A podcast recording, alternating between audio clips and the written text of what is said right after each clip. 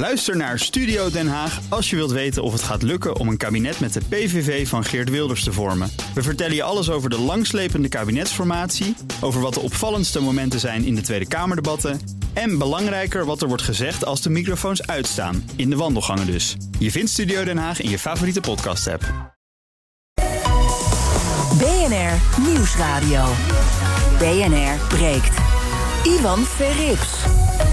Goedemorgen en welkom bij de perfecte onderbreking van je werkdag. Vanaf half twaalf praat ik over het nieuws van de dag, over het coronapaspoort. Hou er maar rekening mee dat we daar tot na de zomer aan vastzitten. En hoe wenselijk is dat eigenlijk? Over prikbussen die door wijken gaan trekken. En daarmee moet de drempel om je te laten vaccineren een stuk lager komen te liggen.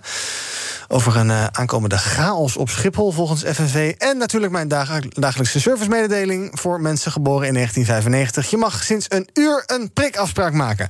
Dus mensen geboren in 1995 die zijn nu aan de beurt.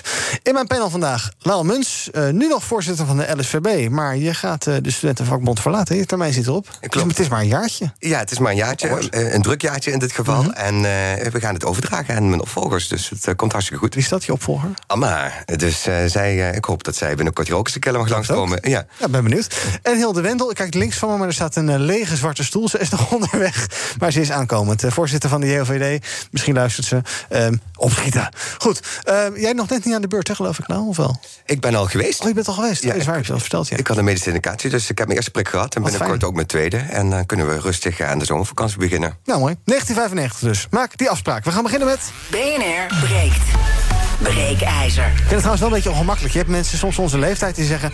ja, ik ben al geweest. En dan wil je eigenlijk vragen waarom. Maar dat is ook een beetje een ongepaste vraag. Nou, ja, goed.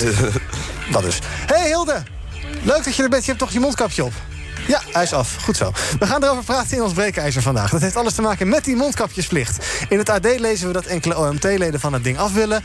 En in kabinetskringen, zoals dat zo mooi heet... zijn ze de kap wellicht ook uh, nou, liever kwijt dan rijk. Dus nooit meer de vraag... Terry nou je nou op je muil. Ja, dat nieuwe stukje cultuur kan ook bij het vuilnis dan. Ons breekijzer vandaag schaft de mondkapjesplicht nu af. Misschien beter mee eens en denk je... ja, weg met dat onding met die veredelde luier... milieuvervuiler, broedplaats van bacteriën. Ik draag hem al 6,5 maand, ik ben er klaar mee. Of zeg je, nou, laten we nu geen domme dingen doen... in het zicht van de haven. Op uh, winderige stationnetjes als Weesp is het prima om weg te doen... maar in de drukke bijenkorf, daar hou ik hem toch nog liever eventjes op. Je kan dus meepraten, in tegenstelling tot de ANWB... de rechtbanken, de provincies, de CIB, de gemeente Amsterdam... het instituut Mijnbouwschade en de politie... werkt de telefoon bij ons wel. Dus pak hem en bel naar 020 468 4 keer 0 020 468 4 keer 0 En dan praat je zo meteen mee in de uitzending. Ons breekijzer dus. Schaf de mondkapjesplicht nu af. Bij mij is ook Ab Osterhaus, die is BV'er, bekende viroloog. Goedemorgen, Ab. Goedemorgen. Wat vind jij? Afschaffen die uh, mondkapjesplicht als het uh, nou, kan volgens OMT-leden, als het misschien wel kan volgens het kabinet. Nou, waarom nog langer wachten dan? Ja, als het, via, als het OMT in zijn algemeenheid adviseert om mee te stoppen, is dat, uh, is dat op grond van, van allerlei gegevens. Dat enkele OMT-leden nu zeggen dat het wellicht wel afgeschaft zou kunnen worden. Het OMT-advies gaat, is altijd een advies van de hele club samen. En ik denk dat we daarop moeten wachten. Ja. Want die wegen, die wegen in principe alle voor's en tegens. En wat we nu zien gebeuren bijvoorbeeld in Engeland is toch wel een beetje een teken aan de wand. Een nieuwe variant die begint te circuleren. Dus ik denk dat we moeten voorkomen dat we in dezelfde situatie hier gaan komen. Want dan dan raken we het niet kwijt. En dan krijgen we dus met name in het najaar krijgen we weer grote problemen. Dus ik denk dat het allerbelangrijkste op het ogenblik is vaccinatie. Mm -hmm. En discussies over mondkapjes. Ik vind dat eigenlijk een beetje ongepast op dit moment. Ja, te, te vroeg dus eigenlijk ook. Ja. ja. Um, Hilde, uh, goedemorgen. Fijn dat je er bent. Goedemorgen. Um, uh, mondkapjesplicht, uh, nu mee stoppen? Of zeg je, nou, laten we maar even voorzichtig zijn? Nou, ik sluit me eigenlijk wel aan bij wat ik uh, Ab Osterhaus excuus, net, uh, net hoor zeggen. Ik ben eigenlijk helemaal gelukkig. Hè. Je kunt weer het terras op. En je kunt weer wat meer. Je ziet dat de cijfers de goede kant op gaan. Uh, nou, ik krijg zelf morgen mijn tweede prik. dus je wordt daar helemaal optimistisch van. En dan hoor je alweer inderdaad wat over die mondkapjes. Mm -hmm. En denk ik, ja, als het kan, dan ben ik de eerste die juigt dat ik, als ik drie uur in de trein zit, niet meer dat ding op hoef. Maar dan moet het wel veilig kunnen. Ja. Dus ik vind dat wel heel belangrijk. En ja, ik, ik, het is ondertussen bekend, ik ben geen viroloog hier. De enige van Nederland. En eh, dat blijft lastig. Dus ik luister naar de experts, maar als het kan, dan eh, heel graag. Je bent wel voetbalcoach, toch, of niet? Ik ben zeker voetbalcoach. Heel goed. ja. Ja. Lau, eh, wat vind jij? eh, afschaffen die, eh, die mondkapjesplicht of voorzichtig zijn? Ja, ik ga ook een beetje saai antwoord geven. Nee, Want eh, ik vind ook eh, eigenlijk dat je daarin gewoon het OMT-advies moet volgen. Mhm. En kijk, het is denk ik een van de meest, minst invasieve beperkingen. Dus er zijn echt wel heel veel dingen die ik veel belangrijker zou vinden dan het afschaffen van dat mondkapjesplicht. Dus eh, ik denk dat we gewoon even kunnen wachten daarop. Ja. Ab, we hebben die plicht in Nederland sinds eh, 1 december. Daarvoor was het nog een advies. Eh, best wel eh, hobbelige weg eh, tot stand gekomen. Wat is jouw indruk? Hoe, hoe goed werkt die? Want daar zijn ook wel best wel vragen over. Hè? Dat het lastig te meten is. Ja, het is heel moeilijk eh, de, de bijdrage van mondkapjes te meten met al die andere maatregelen die genomen zijn. Maar zeker wanneer we de FFP2-mondmaskers gebruiken, dus de, de, de goede mondmaskers, dan weten we dat die, dat die behoorlijk bijdragen. Dus, en ik denk dat alles wat op het ogenblik bijdraagt, nog steeds om het verder terug te drukken. We zijn echt helemaal op de goede weg. Met vaccinatie en de mondkapjes samen, dat het wel degelijk nuttig is. En wat nou precies die bijdrage van die mondkapjes is, of dat nou 20% is, of 15 of 25, dat weten we niet. Maar we weten wel dat het bijdraagt. Ja. Ben je er wel van overtuigd dat, precies, dat er dus überhaupt een, een bijdrage is? Want het RIVM is heel lang tegen geweest. Zij zeiden van ja, er is niet echt een goede wetenschappelijke onderbouwing. Uiteindelijk gingen we overstag omdat ja, de politiek dat besloot. Ehm, wat, wat, ja, maar wat weten we nu meer dan eind vorig jaar daarover? Nou, vorig jaar wisten eigenlijk hetzelfde. Er zijn heel veel observationele studies gedaan. En dat wil zeggen geen mooie, dubbelblind gecontroleerde studies. Maar studies waarbij je dat gewoon dat toepast en ziet dat het terugloopt. En dan kun je altijd het argument naar voren halen. Ja, maar we doen ook de anderhalve meter en we doen dit nog en dat nog. Dus je kunt het heel moeilijk, je kunt het heel moeilijk bewijzen. En wat je eigenlijk zou moeten doen is in een bepaalde stad de helft van een bepaalde groep mensen met en de helft zonder mondkapjes. Maar dat kun je om ethische overwegingen uiteraard niet doen als je denkt dat het werkt. En ik denk dat de, de gegevens die er zijn, ook in verband met het, het al dan niet uitstoten van aerosolen, nou, er is heel veel naar gekeken, dat die toch duidelijk aangeven dat het wel een bijdrage heeft. En ook de Wereldgezondheidsorganisatie in eerste instantie, maar is ook enigszins terughouden, maar die bevelen het nu ook aan. Ja. Wil je reageren? Pak je telefoon, bel naar 020 468 4x0. Ik zeg wel dat de telefoon ons werkt. Ik zie ook wel overgaan, maar misschien toch iets mis. Nou, 020 468 4x0, dan eh, praat je zo meteen mee in de uitzending. Hilde, als je het afzet tegen de andere basismaatregelen... zoals regelmatig handen wassen, afstand houden, mondkapjes dus... is dat dan iets waarvan jij denkt van... nou ja, hoe, hoe weeg jij dat dan af? Ik kan me voorstellen, afstand houden... daar zou je misschien nog het allerliefst van willen. Dat je gewoon weer normaal mensen kan eh, ontmoeten. Ja, absoluut mee eens. En met name in het onderwijs. Ik denk dat ik hier ook wel eh, een medestander in kan vinden in, eh, in deze studio. Ik denk het ook wel, ja. Maar ik moet zeggen, het handen wassen, dat is wel een van mijn grootste ja, schrikmomenten geweest. Dat mensen het een hele uitdaging vonden dat ze ineens hun handen moesten gaan wassen. Dus ik hoop dat we die er gewoon voor eeuwig inhouden. Dan eh, ho- hoeven de mensen met smetvrees ook wat minder bang te zijn. Ja, merk je dat het werkt, Lau, om vaker je handen te wassen? Ik probeer het wel, het lukt me ook wel... maar het is ook wel iets wat, wat je misschien ook wel weer snel eh, ja, laat gaan. Nou ja, mijn eh, vriend destijds die eh, drong me er altijd enorm op aan. Dus elke keer als ik het huis binnenkwam, dan zei hij... nou, hier is de infectiegel. En dat heeft me wel een beetje geholpen. Want van nature ben ik misschien niet degene die meest mijn handen wast. Ja, maar dus inmiddels wel dus. Ja. Eh, Ab, ik zie ook allerlei verhalen over... ja, laatst in het AD een verhaal over tandbederf... dat ze optreden door mondkapjes. Je hebt natuurlijk allerlei spookverhalen van... ik zeg maar even bij wijze van spreken gekkies. Maar misschien ook wel echte nadelen van mondkapjes? Of zie je die eigenlijk helemaal niet? Nou, er zullen ongetwijfeld wel, met name bij mensen die ademhalingsproblemen hebben natuurlijk. En die, die vallen ook onder de uitzondering in zijn algemeenheid. Daar zie je wel problemen. In zijn algemeenheid is, is het natuurlijk iets wat, wat, waarvan je je kunt afvragen of het altijd wel hygiënisch gebeurt. Als je, als je die dingen vaak genoeg wisselt, dan denk ik niet dat er problemen zullen zijn. Maar ik kan me wel voorstellen, als je dat niet hygiënisch doet, dat er problemen kunnen ontstaan. Daarnaast is het natuurlijk zo dat lang voor de crisis waar we het over hebben nu, ja, dat lang voor die tijd mensen in Azië, zeg maar 10% van de mensen in bepaalde gebieden in Azië, deed dat gewoon standaard. Ja. Ook om niet geïnfecteerd te raken. Dus het, ik denk dat het allemaal wel meevalt, maar ik denk wel dat je er goed mee om moet gaan. De juiste kapjes en voldoende wisselen. Ja. Ehm, eh, eh, we hebben natuurlijk vorige zomer gezien dat we eh, maatregelen misschien wat te snel en te rigoureus gingen afschalen. Is dat ook waarom je nu zegt van joh, laten we daar toch een beetje voorzichtig mee zijn? Ja, ik ben er ook vorig jaar een, een tegenstander van geweest. Mhm. Ik vond dat men inderdaad zeg maar, op Schiphol moest gaan testen. En al, al die maatregelen die we toen versoepeld hebben. met het idee, we zijn er vanaf. Ja, en we waren er niet vanaf. Dat is gebleken. Dat we, dat we nu natuurlijk een inhaalslag aan het maken zijn. doordat we aan het vaccineren zijn. Misschien wel 60% van de mensen in, in ieder geval één prik gehad. Ja, die, die getallen lopen op. Ik denk dat het uitermate belangrijk is dat we dat zover mogelijk doorvoeren. Want ook met die nieuwe varianten die we kunnen verwachten. we hebben toch gezien, als je goed tweemaal geprikt bent, of in ieder geval voldoende uh, volledig geïmmuniseerd bent, dat je dan ook tegen die andere varianten redelijk goed beschermd bent, alhoewel het misschien niet 100% is. Maar ik denk dat, dat het allerbelangrijkste op het ogenblik is Ja. dat die vaccinatiegraad omhoog gaat. Want dan betekent dat je het virus gewoon het land uit kunt drijven. Ja, en wat dat betreft is de, deze zomer natuurlijk wel weer een andere dan de vorige. Eh, we gaan even naar Marijke. Goedemorgen. Hallo Marijke. Ja, goedemorgen. Goedemorgen, zeg het maar. Goedemorgen. Nou, ik eh, ben voor het afschaffen van de mondkapjes. Ja, waarom? En wel nu. Omdat ik eh, eh, zie en merk dat de Nederlander, hoe die zijn mondkap gebruikt. Ze hangen aan de ellebogen, ze hangen onderaan de kin. Ze worden afgedaan, ze worden opgedaan, ze dragen ze de hele dag.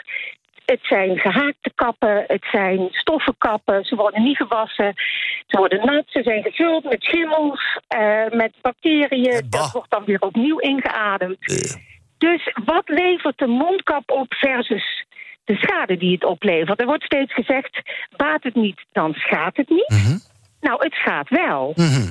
En ik vind meneer Osterhaus zijn eh, betoog behoorlijk eenzijdig.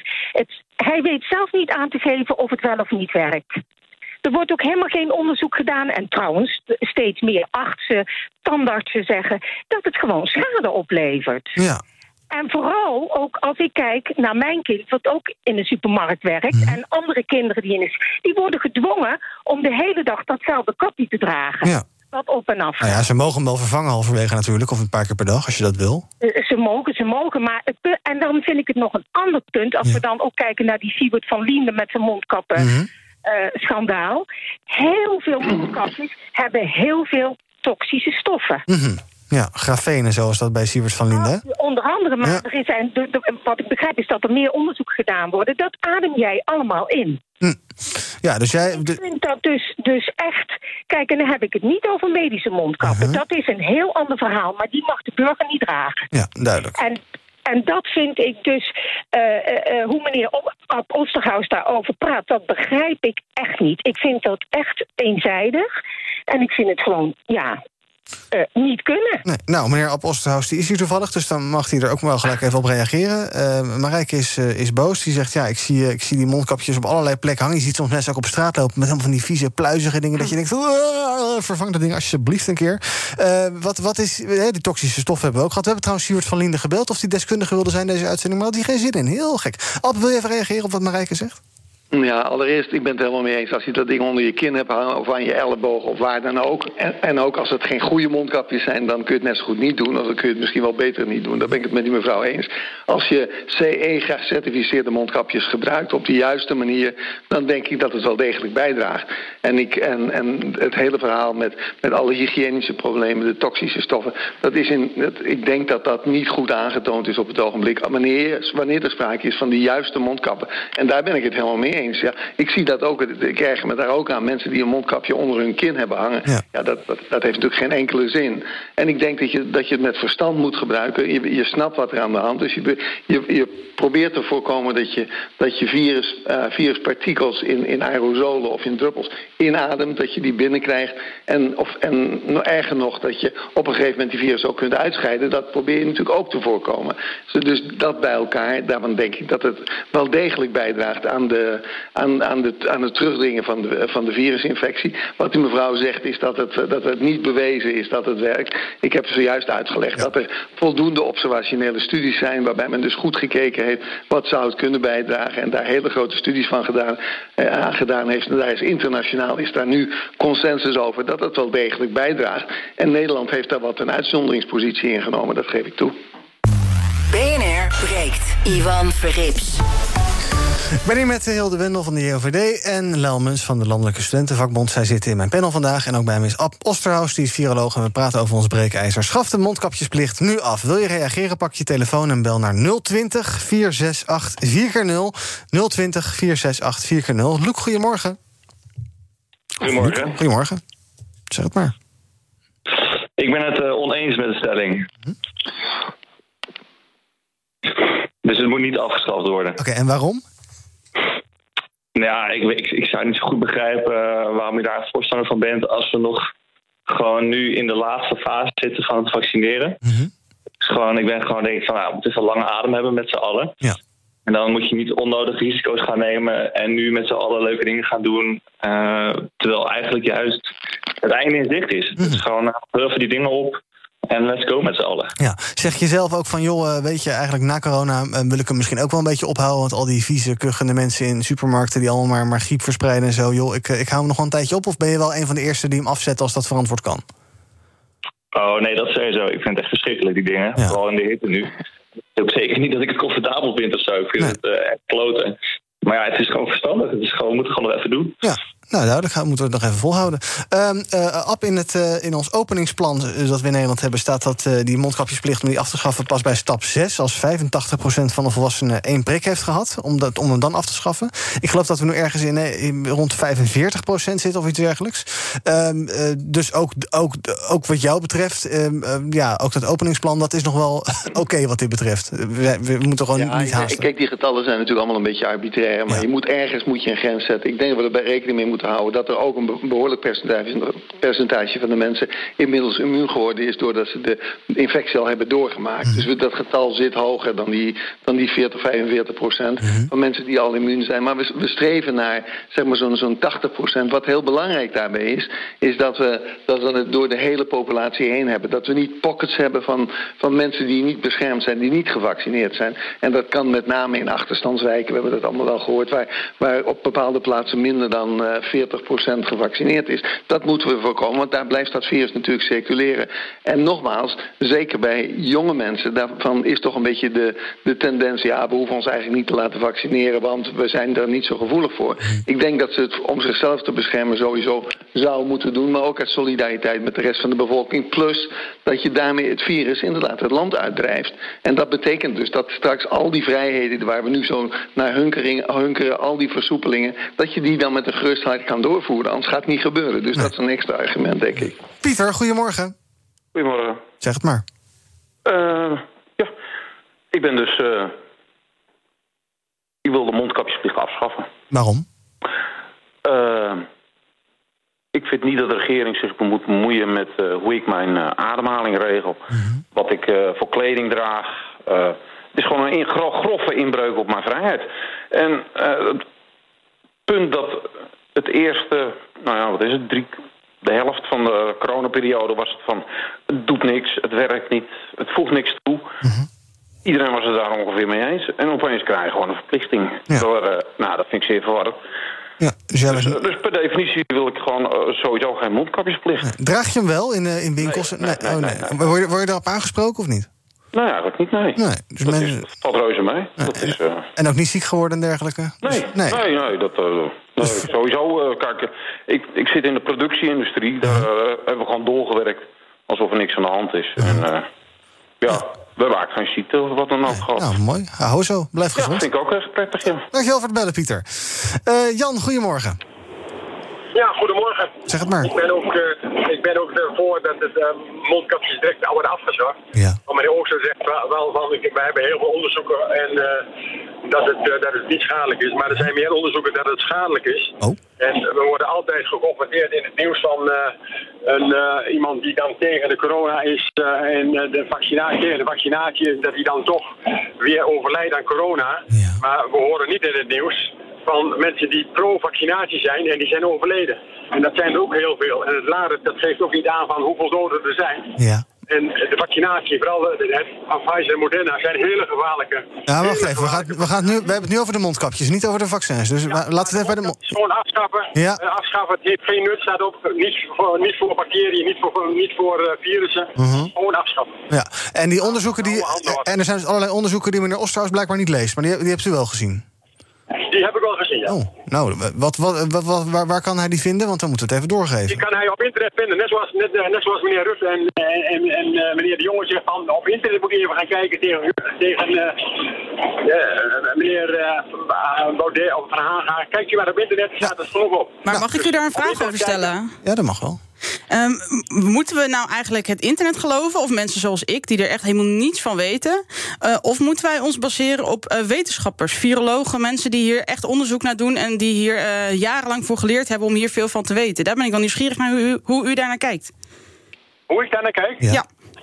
Ja, dat kan ik u vertellen. Ik heb eh, een paar virologen die ik heel goed ken. Oh, dat is handig. Die mogen, hun uitspraken, die mogen hun uitspraken niet doen, omdat het tegen het beleid is van de regering.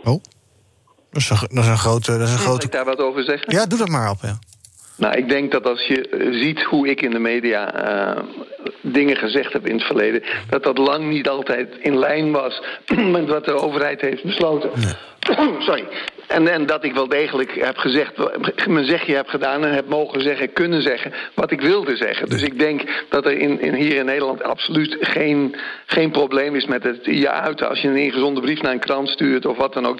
Je kunt je, je, kunt je overal kun je je uiten. Zeker als je op een bepaald gebied deskundig bent. En daar, daar komt natuurlijk nog bij, er was net, net zo'n verhaal van, van die meneer die zei van ja, de overheid moet zich niet met mijn persoonlijke vrijheden bemoeien. Ik denk dat hij daar tot op zekere hoogte gelijk in heeft. Maar ik denk wel dat er zijn natuurlijk bepaalde restricties. Er zijn be- bepaalde wetten ook die met gezondheid te maken hebben, waarbij de overheid wel bepaalde bevoegdheden heeft. En, en dit is ook in de wet geregeld dat de overheid op een, op een gegeven moment bepaalde dingen kan gaan eisen van de burgers. En ik denk dat het interessant is om daar te kijken. Als je heel extreem neemt de situatie in China, waar men echt alle mensen verplicht opgehokt heeft, met de harde hand, daar heeft eh, COVID, waar het ontstaan is, notabene, eigenlijk nauwelijks in- invloed gehad op de, op de hele maatschappij en op de economie. Als je daarentegen landen neemt als Brazilië en in eerste instantie ook de Verenigde Staten, waar men gewoon heel weinig of niks deed, dan zie je dat het daar echt helemaal uit de hand gelopen is. Dus ik denk wel degelijk dat die maatregelen waar we over spreken, en daar hoort het gebruik van mondkapjes bij, dat de overheid op een gegeven moment om deze reden wel degelijk de, de macht moet hebben om op een gegeven moment dat, dat soort dingen verplicht te stellen. En, en, en zeg maar de, de ernst van de, van, de, eh, van de pandemie op het ogenblik in verschillende landen is, is, lijkt wel omgekeerd evenredig met de persoonlijke vrijheden die mensen claimen. Ja, dus op een gegeven moment als de overheid zegt geen, helemaal geen maatregelen, zie Brazilië bijvoorbeeld, dan zie je wat de gevolgen zijn. Even afwachten dus nog. Dankjewel, Apostroos, voor nu. Ehm, en eh, eh, nog een vraag aan Lau. Als we nou, stel dat we binnenkort gaan afschaffen, die eh, mondkapjesplicht, die komt, dat komt vast een keer dat moment. Zeg je dan van ja, dan moeten we dat maar in één keer duidelijk doen? Of zeg je dat kunnen we misschien ook in stapjes doen? Dus eerst, kijk, nu moet je soms op perrons moet je je mondkapje op, dat je een beetje denkt van ja, ik sta eigenlijk toch gewoon buiten. Hoe zinnig is dat? Dus dan zouden we dat misschien als eerst kunnen doen. En dan daarna de grote binnenlocaties. En, maar dan krijg je ook een beetje onduidelijk beleid. Dus waar zou je voor pleiten? Nou ja, ik hoorde van de, in de Verenigde Staten, maar dat was een sketch van eh, SNL, van Mhm. Saturday Night Live, eh, dat er op een gegeven moment ook wat onduidelijkheid was over. Oh, Oh, je telefoon gaat. Eh, nou, ik dacht dat ik hem. Gewoon even opnemen hoor. Nou, nee, dan laten we dat even niet doen. Sorry, mijn excuses. Ik dacht dat ik hem op vliegtuigstand had staan. Nou ja, en die sketch ging er dus over dat het op een gegeven moment heel onduidelijk werd... waar dan wel of niet de mondkapjes gedragen moesten worden. En dat maakte ze een beetje, dat maakte ze een beetje belachelijk. Dus ik denk, je kunt dat in stapjes doen... maar maak het dan wel heel duidelijk waar wel en niet. En eigenlijk zou het het allermakkelijkste en allerduidelijkste zijn... om er in één keer van af te gaan. Eens, Hilde? Ja, eens. Al die uitzonderingen eeuwig. eh, het is niet meer bij te houden voor de gewone burger, denk ik. Goed, ik denk dus dat we het nog even moeten volhouden met z'n allen. Dankjewel nogmaals, Apostroos. En eh, Hilde en Laal die blijven natuurlijk bij me. Ik ga zo meteen met hem praten over het coronapaspoort... dat misschien wel eens eh, minder snel weg is dan je zou willen en of denken. Over prikbussen die door wijken heen gaan rijden... om mensen makkelijker te laten vaccineren. En de soap die het CDA heet gaat ook vandaag weer door. Zometeen in de tweede deel van BNR Breek. Tot zo. Ook Harm Edens vind je in de BNR-app. Je kunt BNR Duurzaam niet alleen live luisteren in de app, maar ook terugluisteren als podcast, zoals al onze podcasts. En naast dat de BNR-app Breaking News meldt, houden we je ook op de hoogte van het laatste zakelijke nieuws. Download nu de gratis BNR-app en blijf scherp. BNR Nieuwsradio. BNR breekt. Ivan Verrips. Welkom terug. Vandaag in mijn panel twee voorzitters die binnenkort ex-voorzitter zijn, namelijk Laal Muns van de LSVB en Hilde Wendel van de JOVD. Nou, we het even besproken. Volgende week is je laatste week. Maar Hilde, jij loopt ook een beetje langs. Ja, nog een paar maanden, maar oktober, hè? Ja, ik mag nog even genieten deze zomer. En dan uh, ja, zijn mensen alweer zat van me, denk ik. Dan uh, is het wel weer tijd om te vertrekken. Ja. Ja, nee. Of niet zo pessimistisch. Uh, is het nou leuk om voorzitter... Het is natuurlijk, zijn natuurlijk hele andere organisaties, snap ik ook wel... maar om voorzitter te zijn van, van, de, van, de, van de JOVD of van andere... Van, is het leuk wat jullie doen? Ja, ik vind het echt fantastisch. Ik heb het echt heel erg naar mijn zin. En ik heb echt allerlei ervaringen die je... nou, ik denk op een andere manier in een studie echt niet zou kunnen meemaken. Mm. Bijvoorbeeld om hier te zitten... maar ook überhaupt leiding geven aan zo'n mooie grote organisatie... en dat je alles van zo dichtbij meemaakt. ja, ik zou het echt iedereen aanraden. Want het is echt een investering in jezelf. En ja, ik heb ook gewoon heel veel plezier eigenlijk, eerlijk ja. gezegd.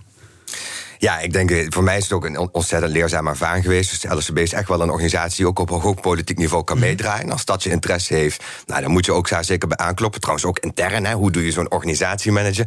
Het, uh, je zegt het is investering in jezelf. We zien wel dat steeds minder jongeren die investering kunnen maken. Dus sinds de invoering van het leenstelsel zien we eigenlijk dat uh, steeds minder jongeren een bestuursjaar doen. En dat heeft wel een zorg, want zo'n bestuursjaar staat mooi op je cv. Dat geeft je later kansen in je latere leven. Maar dan moet dat wel natuurlijk ook voor iedereen toegankelijk zijn. Dat lobby zit er wel in bij hem, hè? Ja, ja, ja, hij maakt er direct gebruik van. Heel hè? verstandig, heel verstandig. En dat betekent ook dat je moet meepraten over het uh, nieuws van de dag. Bijvoorbeeld over de GGD, die komt uh, naar je toe deze zomer. Speciale prikbussen moeten over een paar weken door heel Nederland gaan rijden. En uh, ze gaan dan voorlichting geven over vaccinaties en corona. Um, en daar komt dan de, hoge, de konijn uit hoog goed. Um, wie dan wil mag ook direct naar binnen om een prik te laten zetten. Is dit een goed idee? We zijn, er zijn toch heel veel mensen die willen wel, wel een prik hebben... als we ergens, nou ja, weet ik veel, rond de 75% uitkomen. Is toch goed genoeg? Waarom moeten we nou die laatste ook nog binnenharken. Ja, ik vind het echt een fantastisch idee. Ik vind het ook heel mooi dat we zo juist naar de groepen toe gaan die zo moeilijk te bereiken zijn. Ik maak me ook echt wel zorgen om, eerlijk gezegd. Uh, met de JOVD hebben we trouwens daarom ook een actie opgestart. Ik heb hier toevallig eentje meegenomen. Een hele mooie uh, injectiepen. Daar staat op spuit me vol. Uh, hey, jij, jij, krijgt het eerste exemplaar. Heftig. Heftig. Het doet, me, een beetje denken aan de VVD-condooms. Met uh, voel de liberaal in je. dit is weer de volgende. Ja. Oh, maar je kan echt schrijven ermee. Je kunt ah, er echt mee schrijven, dus uh, geniet ervan. Maar dit is eigenlijk ook bedoeld om juist de, ja, de mensen te bereiken... Die, uh, ja, je, die je op een andere manier nog niet zo makkelijk bereikt. Ja. Omdat het gewoon belangrijk is dat iedereen zich laat vaccineren. Of nou, iedereen, zoveel mogelijk eigenlijk. Dus ja, een mooie pen voor jou. Dankjewel. Ik denk dat er binnen de JOVD niet heel veel mensen zijn... die zich niet laten vaccineren, toch? Nee, om me heen hoor ik alleen maar mensen die er echt naar snakken... dat, ja. dat het eindelijk mag, zodat je weer veel meer vrijheden kan krijgen. Maar ook bij ons lopen er wel mensen, mensen rond die zich... nou, misschien vanwege religieuze redenen daar nog over twijfelen. Er zelfs een leeuw op, zo'n Hollandse leeuw. Ja, ja, we hebben speciaal gedrukt. Dat is ons logo, hè? Oh, ja, nationalistische pen. Mooi. Um, dankjewel voor de pen. Leuk. Um, laten we heel even luisteren naar Koe van Yildiz, uh, huisarts. Die gaf eerder bij WNL aan dat ze ook erg enthousiast is over de vaccinatiebussen. Mensen twijfelen, moet ik het wel of niet doen? Op het moment dat ze op straat worden aangesproken door een hulpverlener... en die hen de mogelijkheid biedt van... heeft u nog vragen over een vaccin? Wilt u gevaccineerd worden? Mocht het gesprek leiden tot een ja... dat je ze gelijk ook de mogelijkheid kan bieden van mevrouw of meneer, komt u maar mee, we kunnen u gelijk een vaccin geven. Ja, eerder deze maand is er al een try-out geweest met een vaccinatiebus in Friesland, in Harlingen om precies te zijn. Uh, hier hoor je uh, het eerste hand dat het niet alleen gaat om angst voor vaccins, maar ook voor ja, dat er financiële zaken mee gemoeid zijn. Dus er komen nog kosten voor mensen die worden uh, geprikt en dan komen kosten erbij. Of Sneek of Franeker of Harlingen. Maar ja, als je twee keer naar Sneek rijdt, wel 120 kilometer twee keer rijden, nee?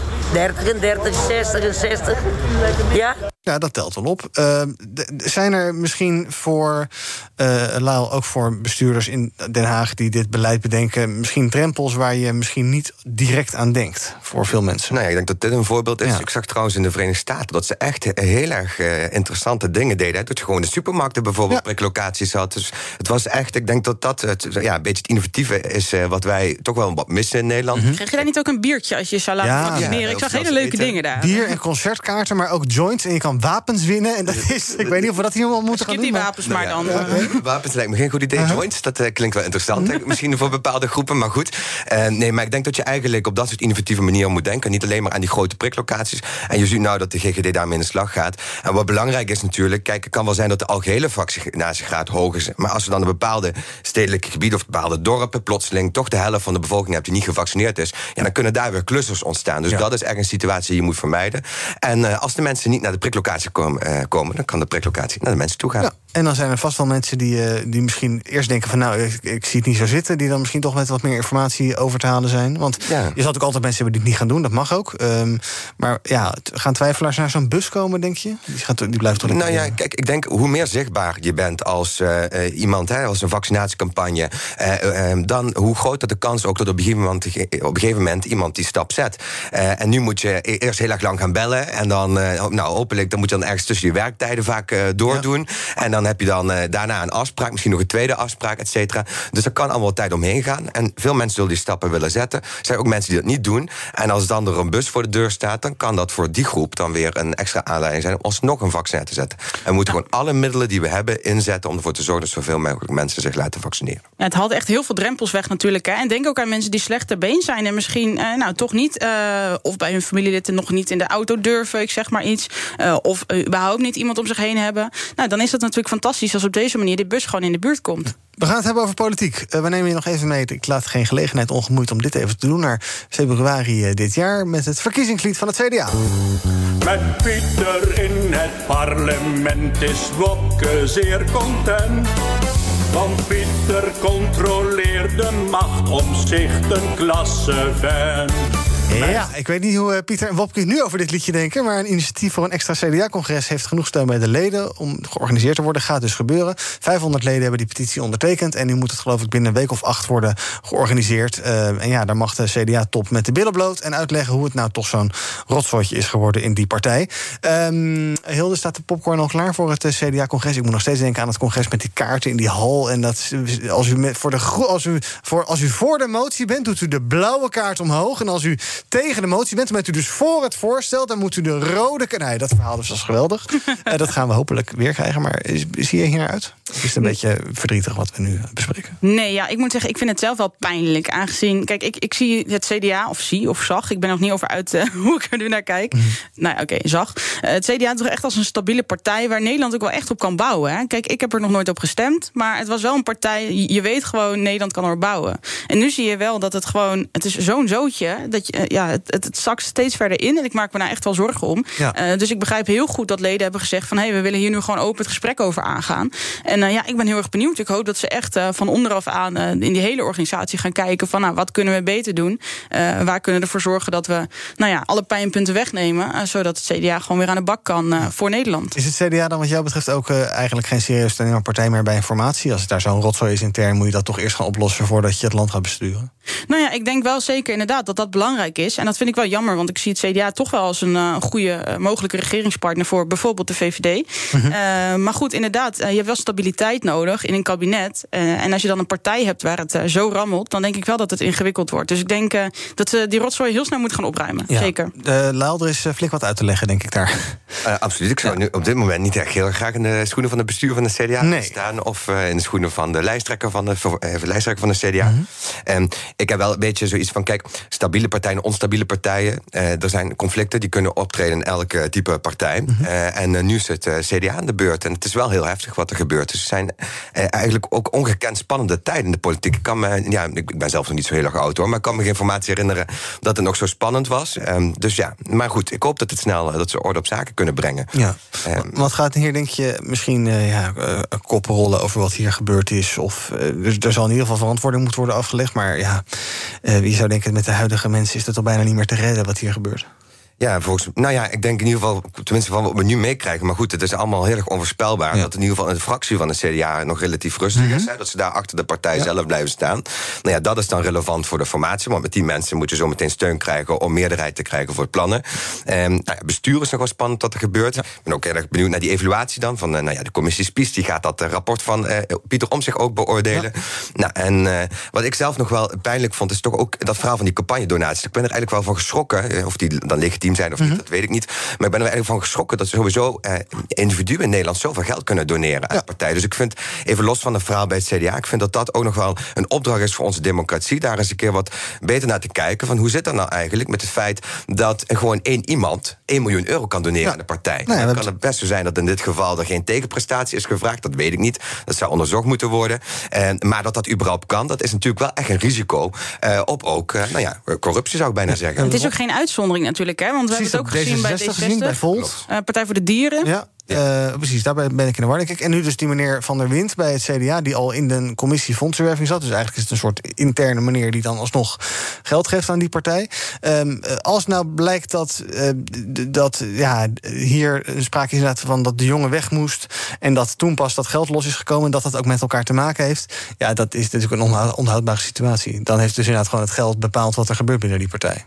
Ja, ik vind dat tegenover donaties nooit een tegenprestatie zou mogen, mogen staan. Dus ik vind dat je niet kunt zeggen van... hé, hey, eh, je krijgt een miljoen euro als je Wopke Hoekstra lijsttrekker maakt. Mhm. Of als je Pieter Omtzigt wegwerkt, ik zeg maar iets. Eh, dus dat, dat vind ik pertinent fout. Eh, maar om nog even terug te komen op wat ik net zei over CDA als een onstabiele partij. Het is eigenlijk natuurlijk ook nog wel de vraag eh, in hoeverre ze nou stabiel of onstabiel zijn. Dus als je kijkt naar bijvoorbeeld toen het fout ging bij Forum voor Democratie. Toen zag je natuurlijk dat de een naar de ander zich afsplitste en eh, nou, bij Ja 21 ging. Eh, of welke dertig partijen ondertussen er al niet uit, uit voortgekomen zijn. En wat je nu ziet, volgens mij, is dat dat nog best wel meevalt bij het CDA. En dat volgens mij, als ik het goed zeg, zelfs de vrouw van Pieter Omtzigt nog gewoon binnen het lokaal. CDA is gebleven. Dus wat dat betreft. Nou ja, valt het misschien nog wat mee. Voordat ik naar Thomas van Zel ga, wil ik jullie nog even het volgende voorleggen. Stop.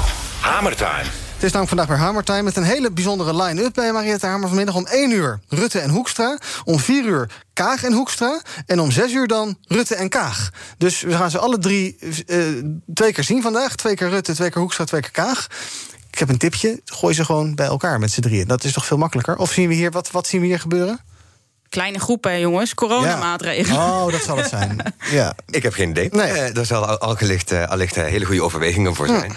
Nou. Dus we blijven lekker doorpraten. Interessant. Rutte en Hoekstra, Kaag en Hoekstra en Rutte en Kaag dus. Eh, we blijven het volgen. Ook onze mensen in Den Haag. En als er nieuws uitkomt, hoor je dat natuurlijk hier op BNR.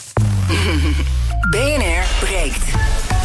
Nu dus naar Thomas. Die eh, presenteert vanaf 12 uur zaken doen. Met wie in de studio te gast? Met de voorzitter van de commissie Regulering van Werk. En dan zullen veel mensen toch zich afvragen... wie is dan die voorzitter van de eh, commissie. Regulering van Werk? Het is Hans Borstlap. Want we kennen de commissie Borstlap wel. Vaak nog weer afgekort tot simpelweg Borstlap. De veranderingen die nodig zijn op de arbeidsmarkt... daar is eh, al veel over gezegd toen het rapport verscheen. Dat is inmiddels toch wel begin 2020 geweest. De SER, al veel besproken, is daar overheen gekomen... met een eh, heel lijvig rapport over hoe zij het zien. Dat vertoont wel enige gelijkenissen met wat Borstlap voorstelde. En nu moet dat dan politiek gemaakt worden. Eh, of er nog aanpassingen nodig zijn, dat ga ik vragen aan Hans Borstlap. Ook een uitgebreid gesprek met de directeur van KLM in Nederland... over het komende vakantieseizoen... en wat ze daar dan wel of niet van mogen verwachten. Ze gaan zich ook richten op pakketreizen. hè. Ze worden tour operator. Dat vonden sommige concurrenten toch wat wrang om te moeten constateren... met al die staatssteun die ook richting KLM is gegaan. Dus daar gaat het over. Kees de Kort is er, het beleggerspanel is er. Ik zal er zelf ook zijn, dus reden genoeg om te luisteren. Mooi zo. Over een eh, bla- minuutje of eh, 14, 15. Hier bij BNR. Zaken doen. BNR breekt. We gaan kijken wat jullie eh, zelf opgevallen is in het nieuws vandaag. Lau, je wilde het hebben over D66-Kamerleden... die eh, niet willen dat onderwijs en studenten opdraaien... Voor, eh, eh, met bezuinigingen voor coronasteun. Hoe zit het? Ja, nou, je hebt dus het Nationaal Programma Onderwijs gehad. Eh, Dus eh, in het hoger onderwijs is het zo dat veel studenten hebben studieachterstand. We hebben problemen gehad op het vlak van studentenwelzijn. Nou, het zijn al die organisaties, de minister van Onderwijs... de studentenorganisaties, de universiteiten en de hogescholen... die zijn samen gaan zitten en hebben gezegd van... nou, dit zijn de komende jaren de extra investeringen die we nodig hebben. Nou, op een gegeven moment eh, een groot bestuurlijk akkoord gesloten. Iedereen gelukkig dat eindelijk dat extra geld geregeld wordt... na lang aandringen. Nou, en twee weken later eh, komt er de voorjaarsnota naar buiten... en dan zegt het ministerie van Onderwijs... er moet 150 miljoen euro bezuinigd worden op het hoger onderwijs. Want een van de steunmaatregelen, nou ja, de, de, de verlenging van het OV... dat moest dan plotseling verhaald worden op het onderwijs zelf. Een zeer bizarre situatie. We hebben gelukkig een aantal eh, D66-Kamerleden... eh, die hebben gezegd van nou, dan moeten we gaan corrigeren. Ja, en eh, het is echt wel een beetje een vreemde gang van zaken geweest. Wij zijn niet van op de hoogte gesteld, de instellingen niet. Dus het was echt iets dat een beetje koud op ons dak kwam te liggen. En ook iets dat we moeten gaan tegenhouden. Want dat geld is keihard nodig om ervoor te zorgen... dat de achterstanden ingehaald kunnen worden... dat er meer docenten voor de klas kunnen komen... studentenaantallen die zijn aan het stijgen. En ja, we kunnen niet maken om juist in deze tijd te gaan bezuinigen. Hmm. Ehm, ook een beetje raar toch om een deel van de coronamaatregelen eigenlijk terug te halen bij studenten? Zeker. Het is, eh, eh, het is eigenlijk een hele rare gang van zaken. Want als het gaat over coronasteun en vrijwel alle andere ministeries, alle andere sectoren, dan wordt er gezegd: ja, dat komt op het begrotingstekort. Dat zijn eigenlijk tijdelijke ingrepen. En plotseling bij het onderwijs wordt gezegd: van, oh ja, weet je wat, gaan jullie het zelf maar oplossen. Dat moet ge- geregeld worden door middel van bezuiniging. Ja. Aan de andere kant, ehm, eh, de studenten hebben natuurlijk ook heel lang niet gereisd, maar hebben wel hun. Ik probeer even het eh, advocaat van de duivel, hebben wel een reisrecht behouden. Dus eh, ja, dan is, kan je misschien wel daar wat terughalen of zoiets? Ik probeer het een beetje te... Maar Ja. ik kan het niet zo goed verklaren. Nou, eh, dus de verlenging van de studentenreisrecht is omdat veel studenten studievertragingen hebben opgelopen. Dus zij moeten natuurlijk niet, als zij door corona studievertragingen hebben opgelopen, dan moeten ze daar niet zelf voor opdraaien. Dus dat is aan zich heel erg redelijk dat ze dat verlengd hebben. Eh, het gekke is dat ze nu de rekening daarvoor gaan neerleggen bij die instellingen. Dus ze gaan tegen die instellingen zeggen: ja, weet je wat, we willen de studenten langer reisrecht eh, geven vanwege de vertraging. Weet je wat, gaan jullie maar bezuinigen. Minder docenten voor de klas, minder studenten, psychologen, minder studiebegeleiders, et cetera. Ja, en dat kan niet de bedoeling zijn. We hebben echt in Nederland te maken met een record aantal studenten vorig jaar al. Dat gaat de, volgend jaar weer eh, doorbroken worden. Dus er moet eigenlijk meer geld bij, niet minder geld. Nou, en dat eh, wordt nog een uitdaging voor het volgende kabinet. Maar het begint in ieder geval niet goed als je nu al gaat bezuinigen. Nee, heel de eens. Om eh, inderdaad een deel van de coronamaatregelen... dan kan je ook wel zeggen... nou, we gaan een deel van de, van de TOZO en de TVL... gaan we weer ondernemers weghalen. Precies, en dat ja, zou dan, toch voor woorden zijn. het einde zoek. Ja, grotendeels wel mee eens. Zeker omdat het tot zover in ieder geval de enige sector lijkt die dat zelf moet gaan terugbetalen. Maar wat ik met name zo moeilijk vind, kijk, voor mij beginnen gelijke kansen in het onderwijs. Dus de kwaliteit van het onderwijs staat voor mij altijd eh, ja, bovenaan eigenlijk. En wat ik zo moeilijk vind, is dat er steeds een discussie is eh, tussen eigenlijk geld naar de onderwijsinstellingen en dus kwaliteit van onderwijs. En daarbij hoort voor mij, voor mij ook studentpsycholoog en dat soort zaken. eh, tegenover eh, geld van studenten eigenlijk. En wat je nu ziet, is dat ondanks inderdaad eh, dat er nu eindelijk eh, geld geïnvesteerd wordt in het onderwijs, dat er ook weer zo'n discussie is over dat de basisbeurs terug moet komen. En we zijn ook tegelijkertijd altijd aan het pleiten voor dat er meer geld naar studenten toe moet. En dan denk ik, jongens, volgens mij moeten we dan realistisch zijn. Moeten we het sociaal leenstelsel gewoon in stand houden. Om ervoor te zorgen dat de kwaliteit van het onderwijs gegarandeerd is. En we dus inderdaad ook geld hebben voor zaken als studentpsychologen. Ja. Alright, ik ga zo meteen naar jouw nieuws, maar eerst eventjes kijken wat de trending is. Op de socials op dit moment. Nou, hashtag plan de prik is trending. Het is Hugo de Jonge gelukt om een trending te krijgen. In 1995 mag dus eh, vanaf vandaag, vanaf 10 uur vanochtend, een eh, eh, een prik gaan plannen. Andere opvallende hashtag is hashtag bijen. Geen idee waarom. CDA blijft de gemoederen bezighouden, daar hadden we het net al over. En ook Spaaswe, dan hebben we het over Spanje-Zweden op het EK. En uh, Hilde, jij wilde het hebben ook over het EK, maar uh, over heel iets anders. Over Christian Eriksen. Die moest, uh, wanneer was dat? Vrijdag of zaterdag moest hij, zaterdag geloof ik, gereanimeerd worden tijdens de wedstrijd. was heel heftig, was ook allemaal uh, best wel expliciet te zien op tv. Ehm, we hebben daarna gehoord van ja, hij heeft eigenlijk gered omdat ze er heel snel bij waren. waarom, ja, dit raakt iedereen denk ik, maar waarom wil je het hierover hebben? Nou, het raakte me inderdaad heel erg. Omdat, nou, sowieso natuurlijk was het verschrikkelijk. En ik ben blij dat het relatief goed gaat uh, nu. Dus laat dat duidelijk Mhm. zijn. Uh, maar het zette mij verder ook aan het denken van... ze waren er zo snel bij. Dat echt het grootste complimenten daarvoor. En dat zette mij aan het denken eigenlijk over de hele samenleving. Want wat je ziet is dat er uh, nou, steeds meer mensen zijn... die inderdaad opgeleid zijn in reanimeren bijvoorbeeld. Um, en ik dacht er gewoon heel erg over na van... stel nou dat er iemand om mij heen nou, ook neervalt... Mhm. om het maar even zo te zeggen, um, dan weet ik niet wat ik moet doen. Nee. Um, dus het zette mij heel erg aan het denken van, nou, in, in mijn omgeving zijn er ook wel dit soort zaken gebeurd de afgelopen tijd. Dat, dat ik dacht, als ik erbij was geweest, dan had ik erbij gestaan en naar gekeken. Ja. Um, dus bij mezelf dacht ik, je moet nu echt naar zo'n reanimatiecursus Mhm. mm -hmm. gaan. Dus ik dacht, dit is een goed moment om eigenlijk iedereen op te roepen van kijk daarnaar. En uh, ook om te kijken, wat kunnen we er met z'n allen aan doen... dat zoveel mogelijk mensen naar zo'n reanimatiecursus gaan. Ja. Uh, dat we daar bijvoorbeeld een grote campagne voor starten... om ervoor te zorgen dat iedereen dat gaat doen. Want het kan gewoon echt levens redden. En volgens mij is het dan een kleine moeite voor een heel groot plezier. Ja, Lau, kan jij een beetje reanimeren? Ik heb geen idee, nee. Ik, nee. Maar, uh, ik uh, moet er oproepen. Dus wat zou je doen als hier iemand uh, praktisch dood neervalt? Nou, ik zou de ambulance bellen, denk ik. Ja. Of in ieder geval kijken of Terwijl het dus heel waardevol kan zijn als je inderdaad iets kan doen. Ja. ja en zeker in ja. buitengebieden. Hè, dan mm -hmm. duurt het dan nog wel even voordat de ambulance er is. Dan is het ontzettend belangrijk dat er iemand is die het kan. Ik heb ooit één reanimatiecursusje cursusje gehad... toen ik nog stage liep in de gevangenis. Mm -hmm. Ik weet nog dat ik daar zat en dat ik dacht... oh, nu moet ik een beetje pompen. En geen idee. Dus nee. ik denk wel dat het echt DJ's belangrijk en zo, is. Hè? Staying alive, ja. Ik heb ooit bedrijf, bedrijfshulpverlening gedaan, maar ik weet het ook niet meer. Je moet ook wel een beetje onderhouden, dat soort kennis. En je hoopt eigenlijk dat je het nooit nodig hebt. En als je het nodig hebt, dan uh, ga je het waarschijnlijk toch allemaal fout doen. Maar dan doe je tenminste iets. Uh, ik zag trouwens uh, dat je via het Rode Kruis EHBO op Instagram kan leren reanimeren. Dus dan hoef je niet naar zo'n cursus toe. Dan kan je het ook thuis doen. Beter iets dan niets, denk ik. En er was nog een voorstel van FNV. Zij zeiden, joh, bedrijven met 50 of meer werknemers... die zouden verplicht gewoon zo'n defibrillator op werk moeten hebben. Zo'n AED. die zo'n schok kan toedienen als iemand een hartstilstand heeft. Is dat een goed, goed idee? Hij hangt natuurlijk op best wel veel plekken, maar ja, uh, misschien wel op nog veel meer plekken hangen. Ja, Plichten. eh, ligt eraan. Kijk, als je een, eh, een industrieterrein hebt, bijvoorbeeld met veel bedrijven erop. en eh, je hangt het op een centrale plek op. dat je gewoon er heel snel bij kan zijn. is dat natuurlijk ook goed. Dus ik zou niet zeggen dat we het zo erg moeten vastkaderen. Maar ik denk wel dat we ervoor moeten zorgen dat iedereen binnen nou, twee minuten tijd ongeveer gewoon eh, zo'n AED te pakken kan hebben. Ja. En ook weer terug kan zijn bij de persoon trouwens. Dus dat is heel dichtbij. Ja, nou, het gaat gelukkig goed met meneer Eriksen. Hij voelt zich oké, laat hij weten via Instagram. En hij gaat gewoon weer voetbal kijken, denk ik, vanuit het ziekenhuis. Ideaal. En ehm, eh, ja, nou ja, toch maar even Instagram kijken dan wel. Ja. Ga ik ook weer doen. Het zag er heel leuk uit. Je moet dus 30 keer ook echt doorklikken voor dat 30 keer reanimeren. Nou, kijk zelf maar. Het Rode Kruis, laagstreepje EHBO voor een eh, toegankelijke thuiscursus. Eh, tot zover BNR Breekt voor vandaag. Eh, dank aan Hilde Wendel en Laal Muns. Die is volgende week dus geen voorzitter meer van de LSVB. Maar kom je dan wel langs?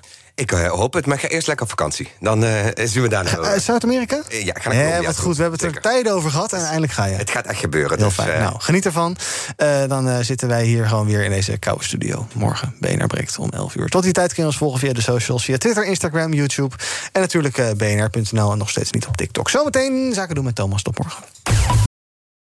Ook Liesbeth Staats vind je in de BNR-app. Ja, heel handig. Luister live naar Kees en mij tijdens de Daily Move. Dan blijf je ook gelijk op de hoogte van breaking news en het laatste zakelijke nieuws. En daar vind je ook alle BNR-podcasts, waaronder de Perestrooikast. Download nu de gratis BNR-app en blijf scherp.